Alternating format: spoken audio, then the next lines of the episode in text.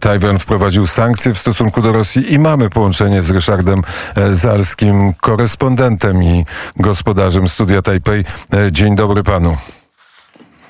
Dzień dobry. E, bardzo mi miło. Ja bym chętnie zaczął od takich od jednej sprawy jeszcze trochę bardziej z wczoraj. To znaczy mm, chodzi o te mm, sankcje technologiczne, które do których się Tajwan, Singapur, Japonia dołączyły. One dotyczą podzespołów różnych takich technologii, na przykład do telekomunikacji, e, do szyfrowania, laserów, różnych e, sensorów do nawigacji i to są te rzeczy takie bardziej zaawansowane, przy których Tajwan właśnie czy Japonia zgodziły się współpracować, żeby ich nie dostarczać. Rosji, te prostsze, powiedzmy 70%, bo takie dane znalazłem, że 70% Rosjanie kupują od Chin, czyli to powiedzmy ich aż tak nie dotknęło, takie prostsze podzespoły. Natomiast te bardziej takie zaawansowane, na przykład do broni, dla wojska, no to od nich byliby odcięci i taki jest trochę tego sens. To jest jedna rzecz odnośnie tych sankcji, przy których te państwa azjatyckie powiedzmy współdziałają. Druga rzecz, e, taka bardziej wewnętrzna, chińsko-tajwańska, to e, władze chińskie zazwyczaj się tak zachowują w przypadku jakichś nieszczęść, na przykład jak powodzie, trzęsienia ziemi, to zazwyczaj przedstawiają światu taką informację, żeby pomoc dla Tajwanu na przykład oddawać w e, chińskich ambasadach, no bo to niby są jedne wielkie Chiny. No i tutaj był taki przypadek z ewakuacją e, tajwańskich obywateli z e, Ukrainy, że władze chińskie też zaproponowały, że oni ich przetransportują. No i tutaj na Tajwanie się bardzo zdenerwowali. E, Ministerstwo Spraw Zagranicznych to potępiło, że jest to obrzydliwe, że upolityczniają takie nieszczęście, ponieważ rząd Tajwanu powiedział, że oni sami się tym zajmą i tych swoich 33 obywateli sami są w stanie do, odtransportować do kraju, że Chiny nie muszą im pomagać. Um, to tyle z takich spraw bardziej wczorajszych, e, natomiast jest też taka ważna kwestia e, tego odłączenia od SWIFTA i tutaj um,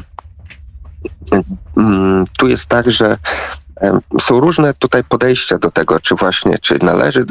Generalnie mówi się, że powinno się odciąć Rosjan od SWIFTA, natomiast są dwa takie mm, ale w tej sytuacji. Jedno jest takie, że e, mówi się, że to może zbliżyć e, Rosję do Chin, że bardziej by uzależniło finansowo Rosję od Chin, a oddaliło od Zachodu. Jakby nie mieli już wtedy przełożenia. Druga rzecz to jest taka, że e, ponieważ no, sytuacja dolara jako waluty nie jest aż tak silna, jak no, powiedzmy traci na wartości, mamy inflację, że, że byłaby to kolejna kolejny element, który by osłabił jego znaczenie, bo powiedzmy, jeśli odcięto by od tego Rosjan, a Chińczycy też by zaczęli pracować nad jakimś alternatywnym rozwiązaniem w stosunku do SWIFTA, no to dwa potężne kraje by jakby starały się coraz bardziej od, od niego odsunąć, więc może dlatego też stąd są też takie trochę, na razie jeszcze tego kroku, tej opcji nuklearnej nie, nie, nie dokonano, tym bardziej, że Rosjanie od 2014 roku pracowali nad własnym rozwiązaniem.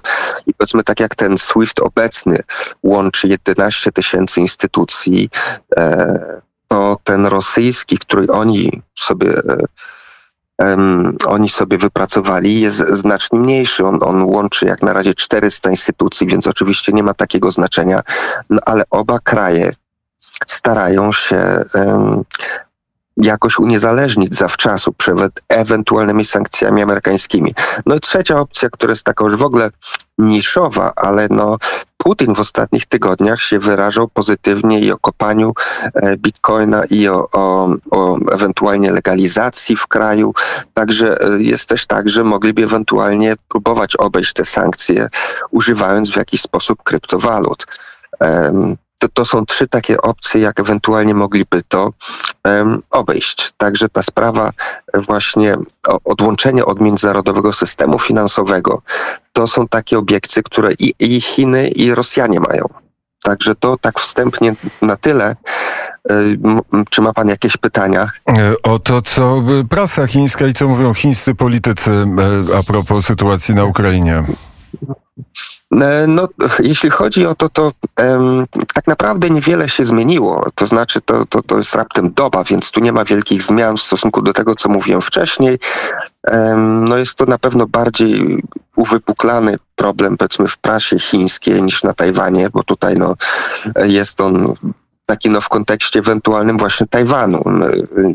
Nie, nie interesuje aż tak bardzo jako sam konflikt, no to jest daleko. Natomiast ta sytuacja Ukrainy interesuje Tajwańczyków, no ponieważ ewentualnie mogłoby to ich dotyczyć, jeśli powiedzmy Chiny by, by, by chciały podążyć śladem Rosji, też wywołać konflikt.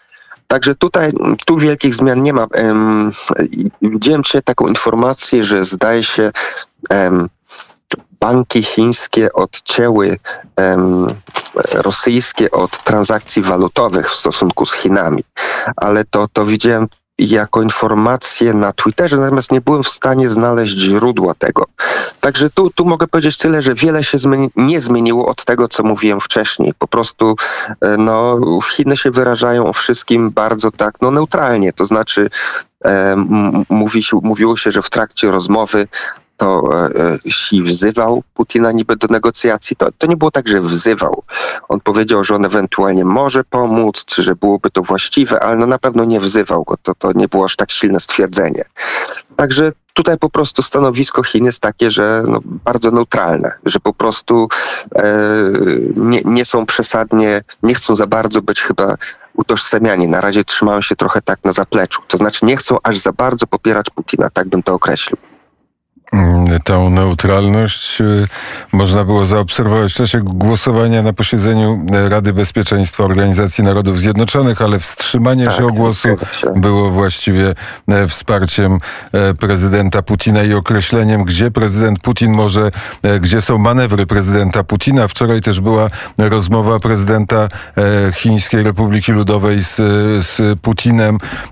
Po, po tej rozmowie nie było komunikatu, nie Tak. widzieliśmy komunikatu poza Tak. jednym stwierdzeniem, że Putin powiedział, że jest gotowy do rozmów na wysokim szczeblu na temat, na temat Ukrainy, nie określając szczebla, na który chciałby wejść e, Putin w czasie tej rozmowy. No właśnie, no i po tej rozmowie między innymi pojawiły się też takie sformułowania, że, że niby Xi mu coś tam sugerował, czy to w sensie, że nawoływał właśnie. To, to nie było zdecydowanie aż tak silne. E, to, to właściwie e, tyle. Mi się wydaje, że, że po prostu trzeba poczekać na, na rozwiązania. Też jest to taki, widziałem takie komentarze, przy czym to były komentarze bardziej niż jakieś źródła informacji, że, że podobno jest tak, że, że Chiny się troszkę też prze, przeceniły jakby wpływ, e, znaczy zakładano, że ta sytuacja zostanie szybciej rozwiązana, to co się mówi o tym blitzkriegu. No i że teraz odrobinkę się no dos, jakby dostali tych tak, i zimne stopy, to znaczy, że za, zaczynają przebierać nogami i, i chcą trochę zwolnić, że myśleli, że to jednak szybciej pójdzie i bardziej wierzyli, że jednak e, będzie szybciej rozwiązanie, no a teraz się właśnie chyba wstrzymali, bo widzą, że, że to jednak trochę trwa, że to nie jest taki blitzkrieg, jak może im Putin ewentualnie zapowiadał.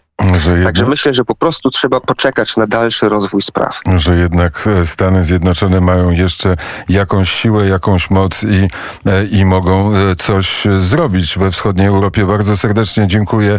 Gospodarz Studia Taipei Ryszard Zalski trzyma Dziękuję rękę, bardzo. trzyma rękę na pulsie oczywiście tego wszystkiego, co dzieje się w Chinach, choć, choć Chiny są olbrzymie, ten puls też jest w wielu miejscach